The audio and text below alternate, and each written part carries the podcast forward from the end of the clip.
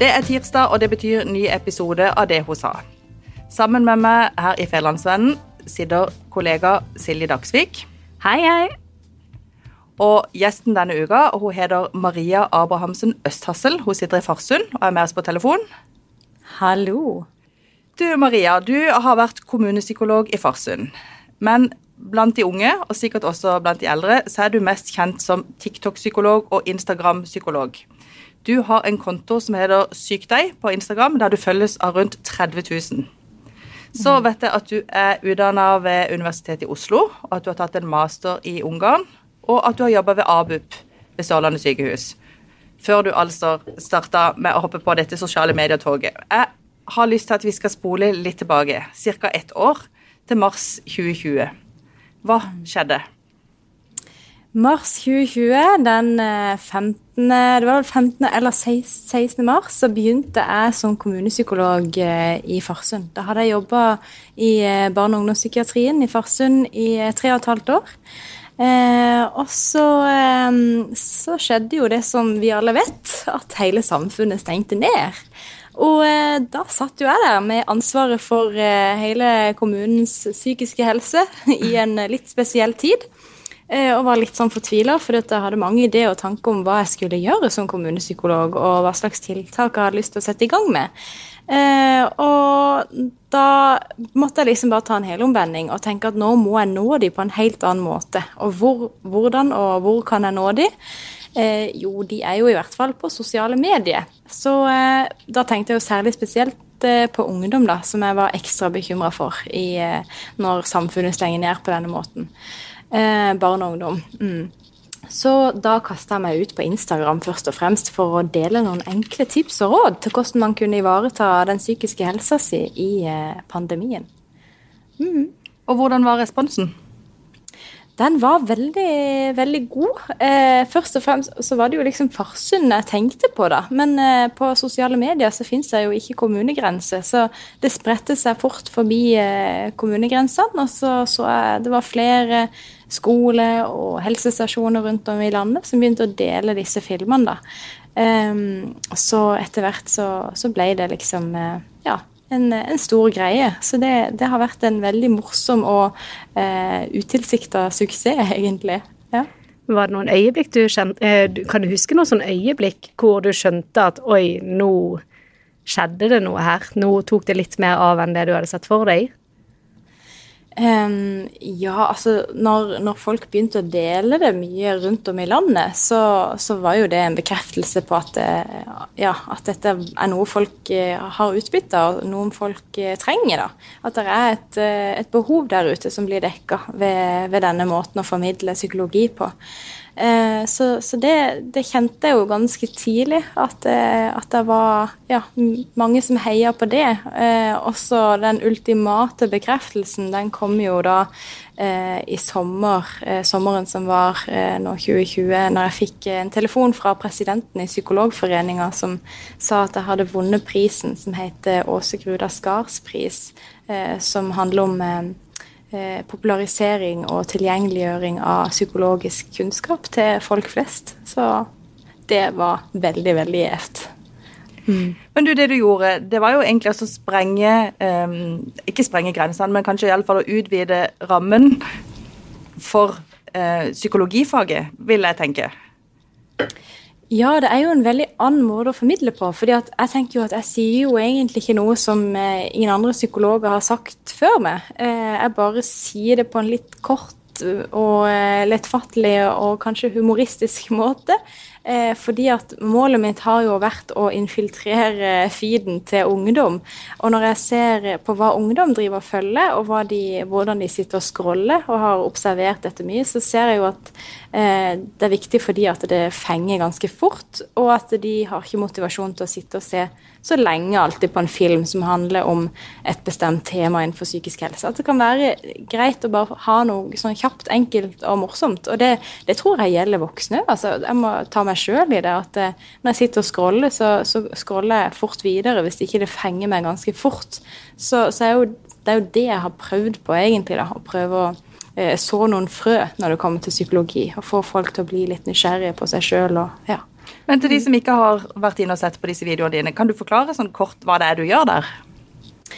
Da, eh, jeg er jo litt stolt av at jeg, jeg skaper det sammen med brukerne av, eller følgerne mine. De som eh, skriver meldinger til meg om eh, forskjellige temaer de ønsker at jeg tar opp.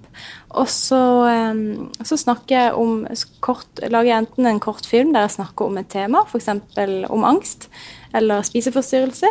Og så skriver jeg en tekst til med noen enkle tips og råd eh, noen ganger. Eh, eller så kan jeg finne på å eh, sette på TikTok-kamera og hoppe på en av de trendene som er eh, inne i TikTok. For der er det mye sånn dansetrender eh, og dub-trender. Um, og så vet man at uh, hvis, det, hvis, man hopper på trender, så, det, så, når man ut til flere. Så det har vært en sånn bevisst greie, da. At jeg hiver, hiver meg på de trendene som, som ungdommene gjør, uh, for å prøve å havne i de sin feed. Men du må jo uh, by veldig på det selv. Jeg har jo sett noen av disse videoene, og du er jo utrolig dyktig da, til å også danse og lage fengende videoer. Hvordan, hva er det som gjør at du er komfortabel med å, med å gjøre det? Ja, det kan du si. Nå, jeg tror kanskje noen vil si at jeg ikke har skam. Eh, og, eh, men jeg har en veldig stor glede av eh, eh, formidling i det hele tatt. Jeg har drevet veldig mye med musikk og teater og revy og skuespill. Så, så jeg har veldig stor glede av å drive på med sånn type sketsjjobb. Eh, og ja, stå på scene har jeg gjort mye, så, så, jeg liker jo veldig godt å få lov til å, å kombinere disse interessene da, i én plattform. Men du, I et intervju jeg leste med deg i Aftenposten, så sier du at du egentlig var litt sånn usikker på hele opplegget, om, om psykologer i det, egentlig, i det hele tatt skal være på sosiale medier. Ja, det er liksom eh, sant, Vi vet jo det at um, sosiale medier er jo noe som er veldig skadelig for den psykiske helsa eh, på mange måter. Eh, det er mange fordeler, men, men eh, når det kommer til ungdom, så, så, er det mange risikofaktorer knytta til hva det gjør med selvfølelsen, eh, påvirkning um, og tidsbruk i det hele tatt på sosiale medier eh, er uheldig for den psykiske helsa vår hvis vi bruker veldig mye tid. fordi da frarøver det oss fra, eh, fra viktige beskyttelsesfaktorer som, som, det å være fysisk aktiv, og fra søvn og det å være ordentlig sosial. Så, så um, Eh, så, så, det vet man jo på en måte. Jeg var litt sånn usikker på om jeg skulle på en måte være en del av det. Eh, og at eh, det skal fra, altså Skal jeg være med på å stimulere til at folk sitter på sosiale medier? Eh, men så har jeg egentlig sett på det litt sånn etter hvert som, som en litt sånn natt natteravnstilling. At eh, ungdom f.eks. Man kan ikke forhindre at det havner ungdom på byen, men vi kan jo være der til stede og prøve å skape et godt miljø der. Eh, så, så, det var nok egentlig mest av alt det at jeg vet ikke om så veldig mange andre som driver med det. Og veldig mye av det som eh, Når det kommer til psykologi, så skal man jo på en måte kunne forsvare det man gjør eh, i forskning. Eh, så, så, dette har vært et sånn eh, eksperiment. da, Så det var veldig viktig og stas for meg å få den bekreftelsen fra Psykologforeninga. Mm. Men du, det begynte jo um, som, som, et forsøk, og så har det utvikla seg mer og mer. Uh, og det har jo ført til at du faktisk har endra jobb, ikke sant? Ja. Uh, ja, uh, etter hvert så, så, ble det så mye henvendelse på Syk deg med folk som ville booke til foredrag og forskjellige samarbeid. Eh, jeg jobber for eh, noe som heter skolerom.no, hvor jeg lager innhold til livsmestringsfaget. Så, så, jeg fikk eh, veldig mye henvendelser. Så i oktober så begynte jeg egentlig for meg sjøl å drive helt, et eget privat AS som heter Syk deg AS. Eh, og så har jeg òg starta en ideell et ideelt aksjeselskap som heter Hjerte for hjernen. Eh, så fordi at jeg ønsker at Syk deg skal være eh, ukommersielt. Eh, jeg har ingen reklame og får mye henvendelse om, eh, om jeg har lyst til å bli sponsa av tights og treningstøy, men, men jeg, jeg, ønsker at det skal være et eh, troverdig innhold på Syk deg, og eh, at det kun skal være psykologiformidling. Mm. Men, men, businessen i dette for deg, hvor, hvor ligger den da? Eh, den ligger i, eh, mye i foredrag eh, og sånne typer samarbeid, som f.eks.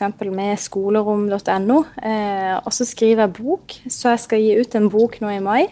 Eh, som òg jeg tenker at kan være et fint supplement til livsmestringsfaget, og en fin eh, konfirmasjonsgave til, til ungdom. Og ja, til ungdom i det hele tatt. Men det er en bok som, som, som jeg håper kan treffe voksne òg. jeg har bare skrevet den på en måte som at det skal være forståelig for ungdommer.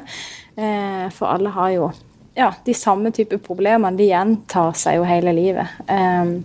Så businessen den ligger i mye forskjellig. Jeg føler at jeg gjør så mye forskjellig fra måned til måned akkurat nå. Alt fra podkastsamarbeid til å skrive kronikker og ja.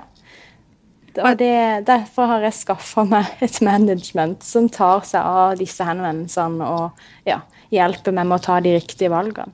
Ja, for når jeg skulle ha tak i det, så måtte jeg rett og slett gå via din manager. Og det er jo ikke så mange psykologer i Norge som har, som har en sånn.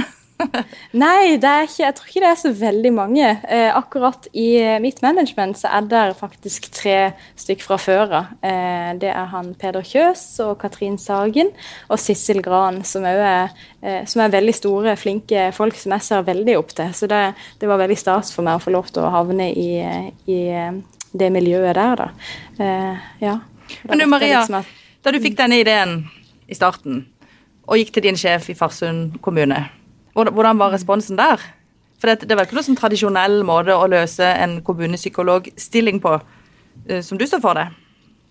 Nei, eh, det var egentlig veldig positiv tilbakemelding på det. Eh, vi gikk noen runder for å forsikre oss rundt det etiske, og jeg brukte ei som er jurist i kommunen, for, for, for, å kunne forsvare at dette med personvern når folk begynner å skrive til meg. Eh, så, så, de var egentlig positive med en gang. Og så, eh, så var det litt sånn at de så jo for seg at jeg skulle gjøre noen ting som jeg ikke kunne få gjort. Så det var liksom alternativet var jo at jeg sto der og ikke fikk gjort noen ting, på en måte. Så, så de, de, bare heier på, på initiativet. Så er absolutt veldig takknemlig for at det var, at det var sånn mottagelse. Mm.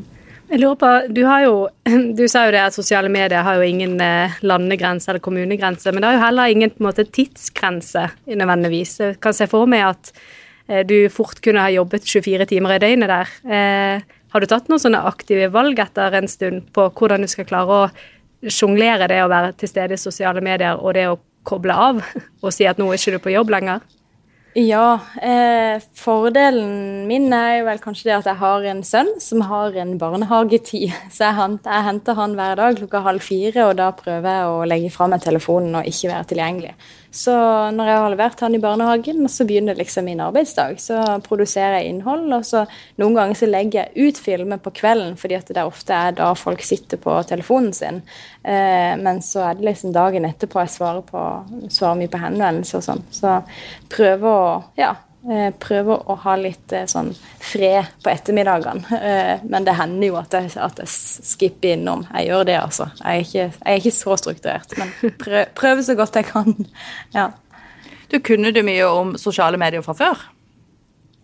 Ja, jeg er vel egentlig Altså, jeg er jo i Jeg er jo relativt ung. Hvor gammel er du? Jeg, jeg, jeg syns jo at jeg er veldig ung, men jeg er jo snart 29. Eh, ja. Så, men eh, nei, jeg har to småsøstre. Eh, jeg vet ikke om jeg kan kalle dem små, de er jo ikke små, men de, hun ene er eh, 20 snart. Ja, det blir jo Ja. Eh, og eh, ei som er nå vet jeg ikke, altså Hun er jo fire, tre og et halvt år yngre enn meg. Eh, jeg husker ikke hvor gammel jeg sjøl er. Men de er iallfall veldig flinke på sosiale medier.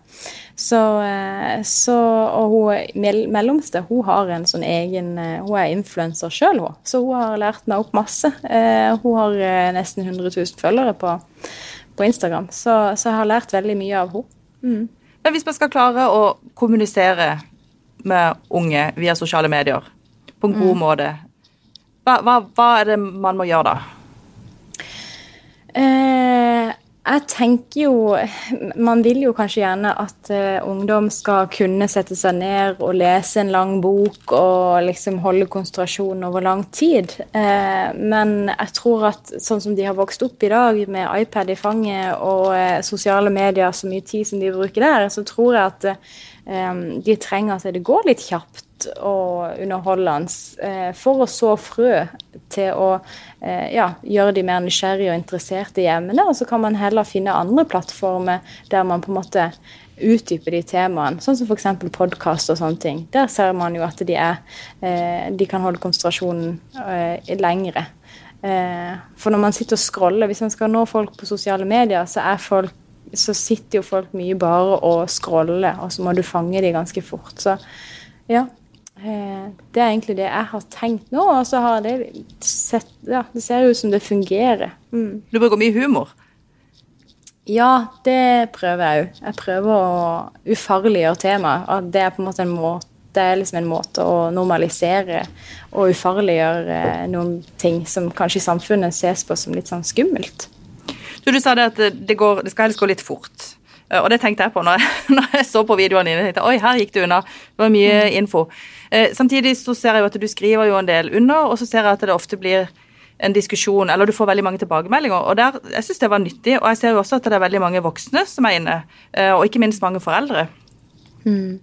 Ja, eh, på Instagram så er det faktisk flest voksne og foreldre som følger meg. Eh, på TikTok er det mer barn og ungdom. Så det var egentlig grunnen til at jeg havna på TikTok etter hvert. Fordi at jeg så at jeg nådde flere voksne på Instagram enn, eh, enn jeg hadde sett for meg. Så, så jeg er jo veldig glad, for det var jo, en, det var jo et publikum som òg De har jo mye med barn og ungdom å gjøre, så, så det er jo bare veldig fint. Eh, og så er det mange voksne som sier at de får utbytte av det, så jeg prøver også formidle ting som, som gjelder alle eh, på sosiale medier. Mm. For Det var det neste jeg skulle si. Var at jeg syns faktisk det var veldig nyttig.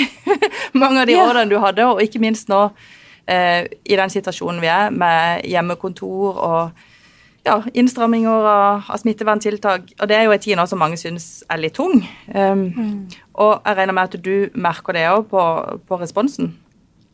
Ja, eh, det er litt sånn eh, for jeg har jo en sånn policy på at når folk skriver eller deler sensitive opplysninger, så, så får de en sånn automatisk melding, eh, en sånn standardmelding om at eh, jeg ikke kan behandle sensitive opplysninger på sosiale medier av personvernsmessige årsaker.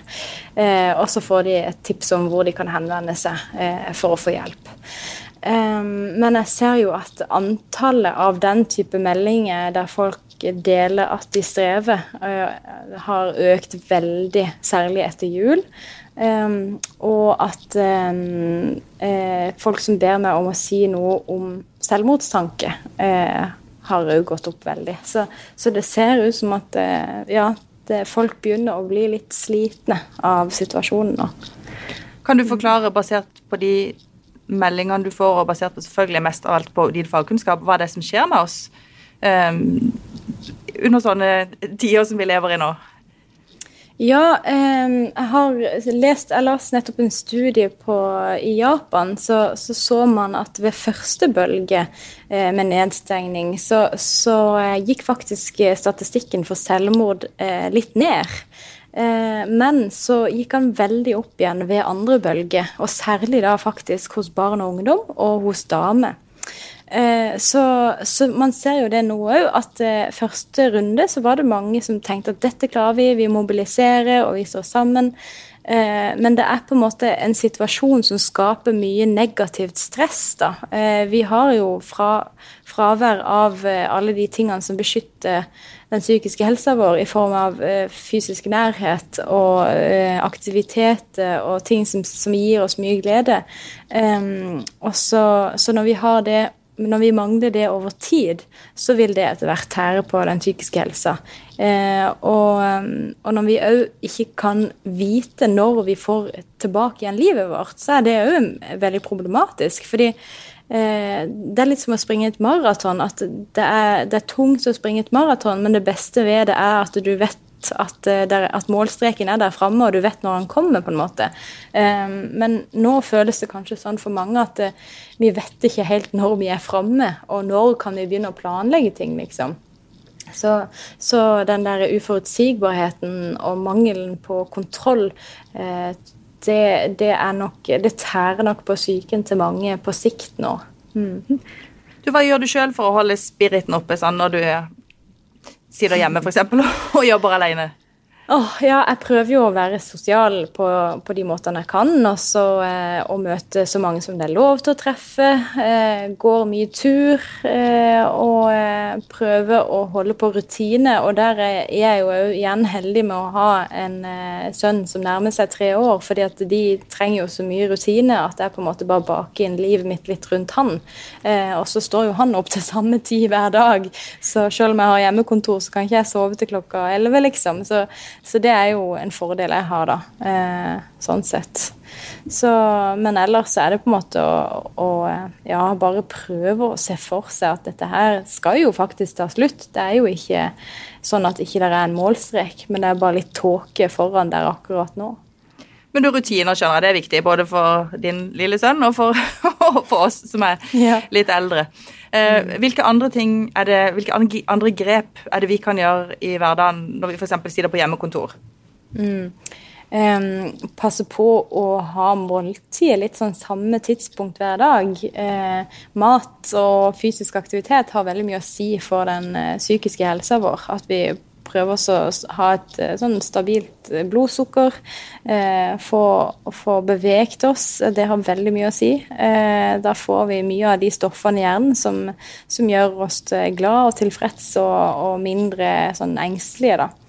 Eh, så, så, det er veldig lurt. Også, og det å være fysisk i nærheten av de man kan. Eh, ja, tilstedeværelse av andre mennesker. Så om man kan sitte sammen med noen og ha hjemmekontor, eh, så, jeg, så, vil jo jeg anbefale det. Kanskje Bent Høie er imot meg, men, eh, men jeg, jeg syns ikke at noen skal sitte i ensomhet. Nei, Vi har vel kanskje merket det mer enn noen gang dette året her, hvor viktig den sosiale kontakten er. Altså, jeg kjenner, jeg kjenner meg igjen i den januarfølelsen og den etter jul, og det var, det var, det var ganske tungt mm. i januar. Eh, og har plutselig innsett hvor mye eh, det å treffe både kollegaer eller venner fysisk har å si for eh, livsgleden, da. Mm. Eh, gode råd du kommer med der. Men jeg tenker på deg som har hatt et år nå som Det høres ut som en utrolig utvikling eh, og mye læring du må ha hatt.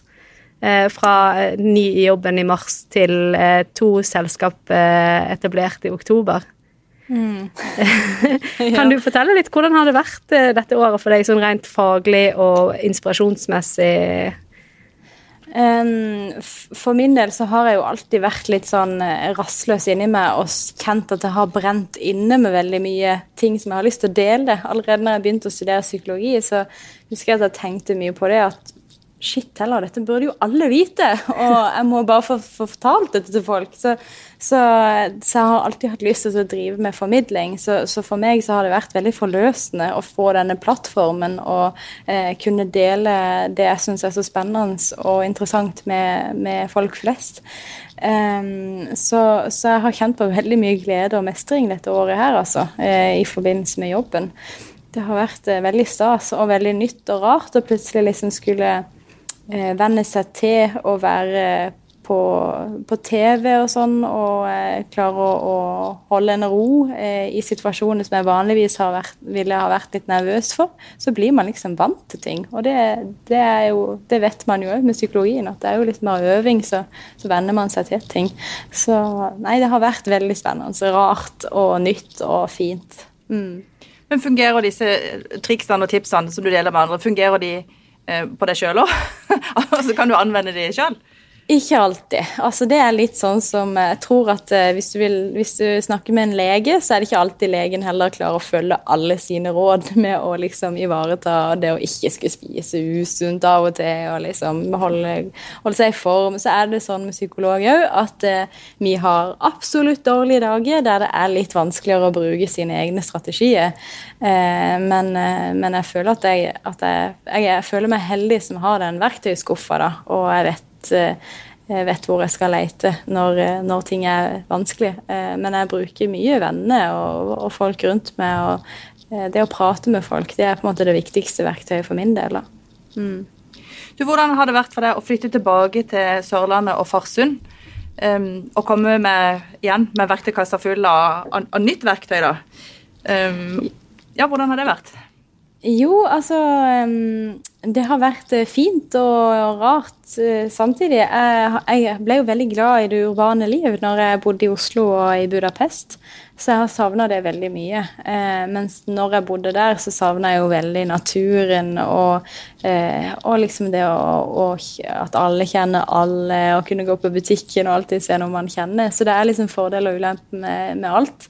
Eh, men, eh, men, eh, jeg trives veldig godt i Farsund. Det er et kjempefint sted å vokse opp for min lille sønn. og men ja, det, så er det jo litt sånn når man har vært vekke i fem år, så, så, er det noe med det at når man kommer tilbake igjen, så, så kan man ikke forvente at ting skal være sånn som det var. på en måte, Og det, det vil man jo gjerne ikke heller, fordi at man har jo sjøl forandret seg så veldig. Eh, det skjer jo mye i hjernen eh, når man er fra 18 til 23 år. Så, så, ja, jeg vokste jo mye på de årene, og så på en måte skaper man seg et nytt miljø og en ny måte å liksom eh, leve på når man flytter hjem igjen, da. Det har, eh, er i hvert fall min erfaring. Mm. Har du møtt noe motstand? Eh, I form av eh, det med syk deg, eller hva tenker du på? Jeg tenker egentlig både faglig og i forhold til å flytte tilbake til byen og gjøre ting på nye måter.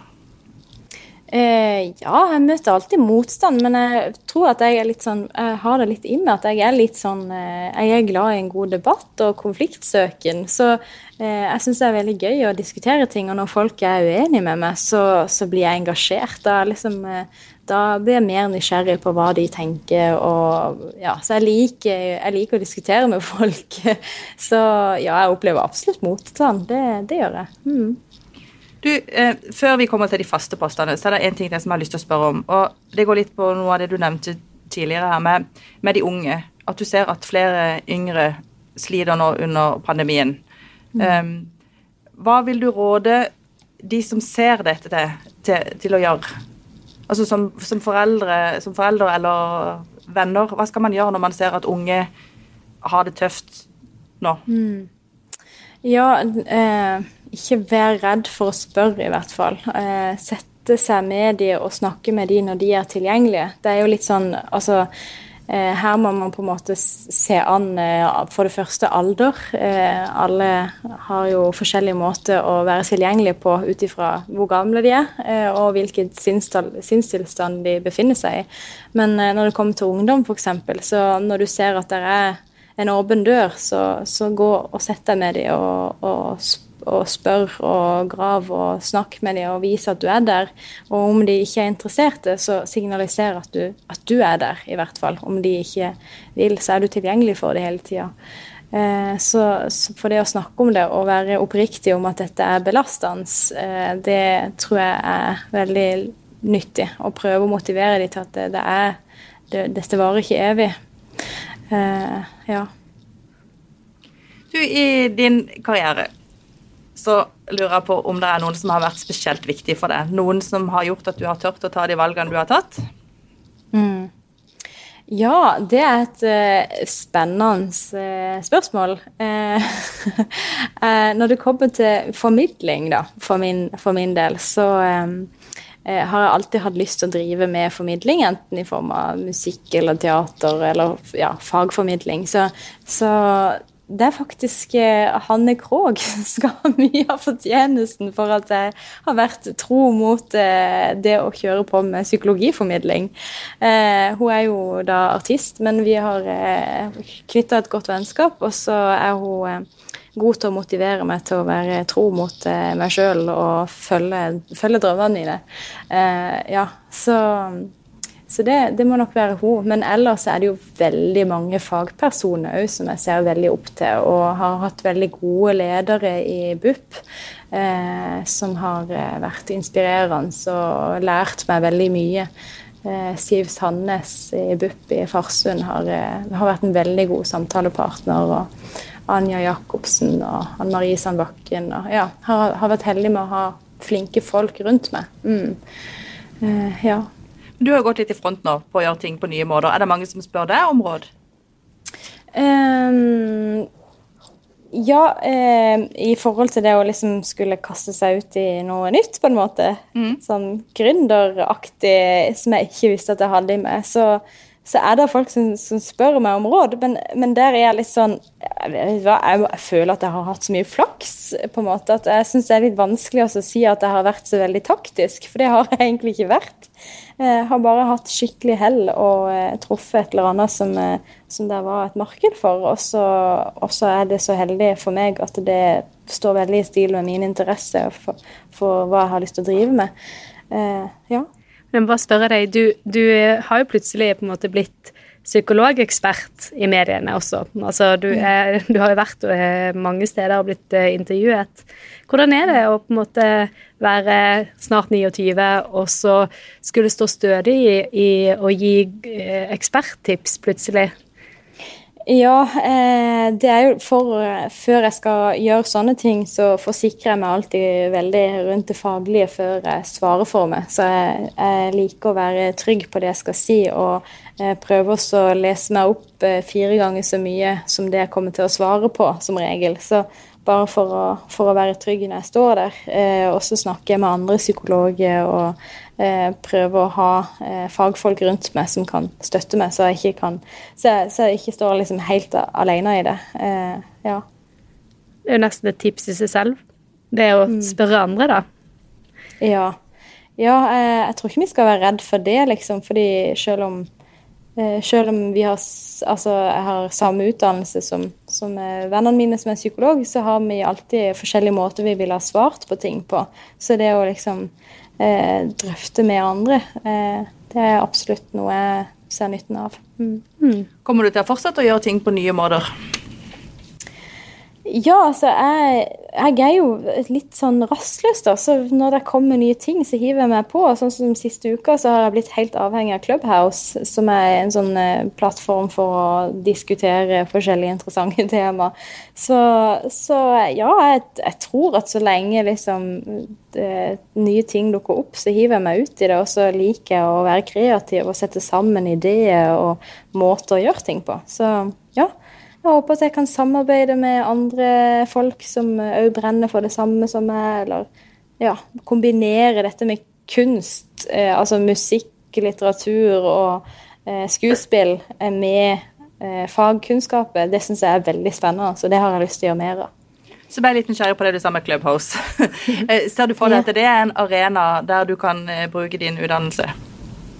Ja, eh, jeg har gjort det litt nå. Jeg har bare liksom vært innom eh, som eh, syk deg, Maria, i noen samtaler. Og da blir det veldig fort spørsmål om psykisk helse, og at det blir, blir et tema. og når det er et tema, så hopper jeg inn fordi det er interessant å høre hva andre tenker.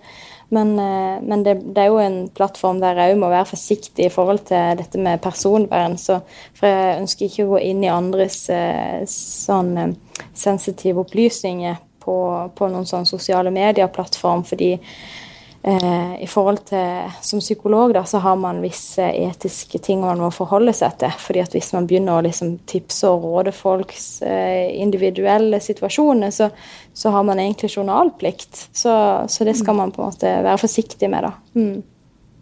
Du, du sa at Når du får sånne eh, meldinger med sensitiv informasjon, så har du en automatisk, eh, altså en funksjon som gjør at, de får, at det automatisk sendes ut et svar. Mm. Eh, men klarer du å legge vekk jobben når du logger deg av der klokka fire? Eller går du noen ganger og tenker på hvordan gikk det med den eller den ungdommen som sendte meg de meldingene? For du, du følger jo ikke de opp, for det, det kan du ikke gjøre. Uh, mm. Men, men hvordan, hvordan, er det å, å, være der og gå rundt og bære på alle de historiene som du får, tross alt? Ja, eh, sånn er det jo egentlig å være psykolog i det hele tatt. Eh, da er det jo òg Jeg har jo jobba i BUP i noen år og, vært ambulerende psykolog og hatt med suicidale pasienter å gjøre. Og det er jo alltid litt sånn når man går ifra jobb halv fire, for det er da arbeidstida slutter, så, så, så, har man jo ikke kontroll på de sin situasjon fram til man ser det igjen neste dag, eventuelt. Så så, så, det er jo en treningssak, det der med å skulle eh, være hengiven til stede i øyeblikket, men klare å, å koble det av når man går hjem. Eh, og det er jo litt det samme jeg gjør på sosiale medier. da, At eh, jeg, eh, jeg, forsikrer meg om at jeg har gitt de den informasjonen de trenger. At eh, hvis det Altså er det akutt, så ringer du 113, ikke sant? Eller, eller gå på snakkomsyken.no, eller, eh, eller Mental Helses hjelpetelefon. Så jeg, jeg gir de jo eh, råd til hvor de skal henvende seg, og så er det det beste jeg kan gi dem. Mm. Er det noen sosiale medier du bruker bare sånn til å koble av og kose deg med? Eller blir alt litt sånn sett på med jobbbriller? Jeg har eh, private Facebook- og Instagram-kontoer. Hvor du kan dele jeg, måltid og ferier og Ja da. Og følge med på andre. For, for jeg, jeg, følger, det er liksom, eh, følger ikke så mye med på, på vennene mine på, gjennom sykdag, så jeg syns det er fint eh, på ettermiddagen av og til å sjekke ut hva, hva vennene mine har spist til middag på Snap og sånn. Det er hyggelig. Problemfritt. Problemfritt. ja, det er liksom hverdag. Så ja, jeg har Jeg bruker Jeg er en sosiale medier-konsumer på privat og jobb. Mm. Du gir alle gjester anledning til å komme med et par råd, sånn avslutningsvis. Har du lyst til å komme med noen råd til lytterne? Ja, eh, dette er jo et liksom motstridende råd, men eh, jeg vil jo råde dere til å følge Syk deg med PS. Syk deg på Instagram, TikTok eller Facebook. Og ikke bruke sosiale medier så mye. så, så eh, ja, fordi ja, bruk tid på hverandre og de rundt dere. Mm å være til stede. Det er mitt råd. Og så kan vi legge til at de kan i tillegg følge det hun sa på Instagram og på Facebook. Og så vil jeg si tusen takk til deg for at du tok deg tida til å dele både historier og, og tips og råd med oss. Tusen, tusen takk for at jeg fikk lov å komme inn i denne samtalen. Veldig, veldig hyggelig. Lykke til videre, Maria. Det blir spennende takk å følge deg. Det. Tusen takk for det. Ha en fin dag. I like måte. Ha det bra. Ha det bra. Du har lytta til Federlandsvennens podkast 'Det hun sa' med Birgitte Klekken. Har du tips til andre bra damer vi bør snakke med, eller har du lyst til å dele inspirerende erfaringer fra ditt arbeidsliv? Ta kontakt på dethosa1fn.no.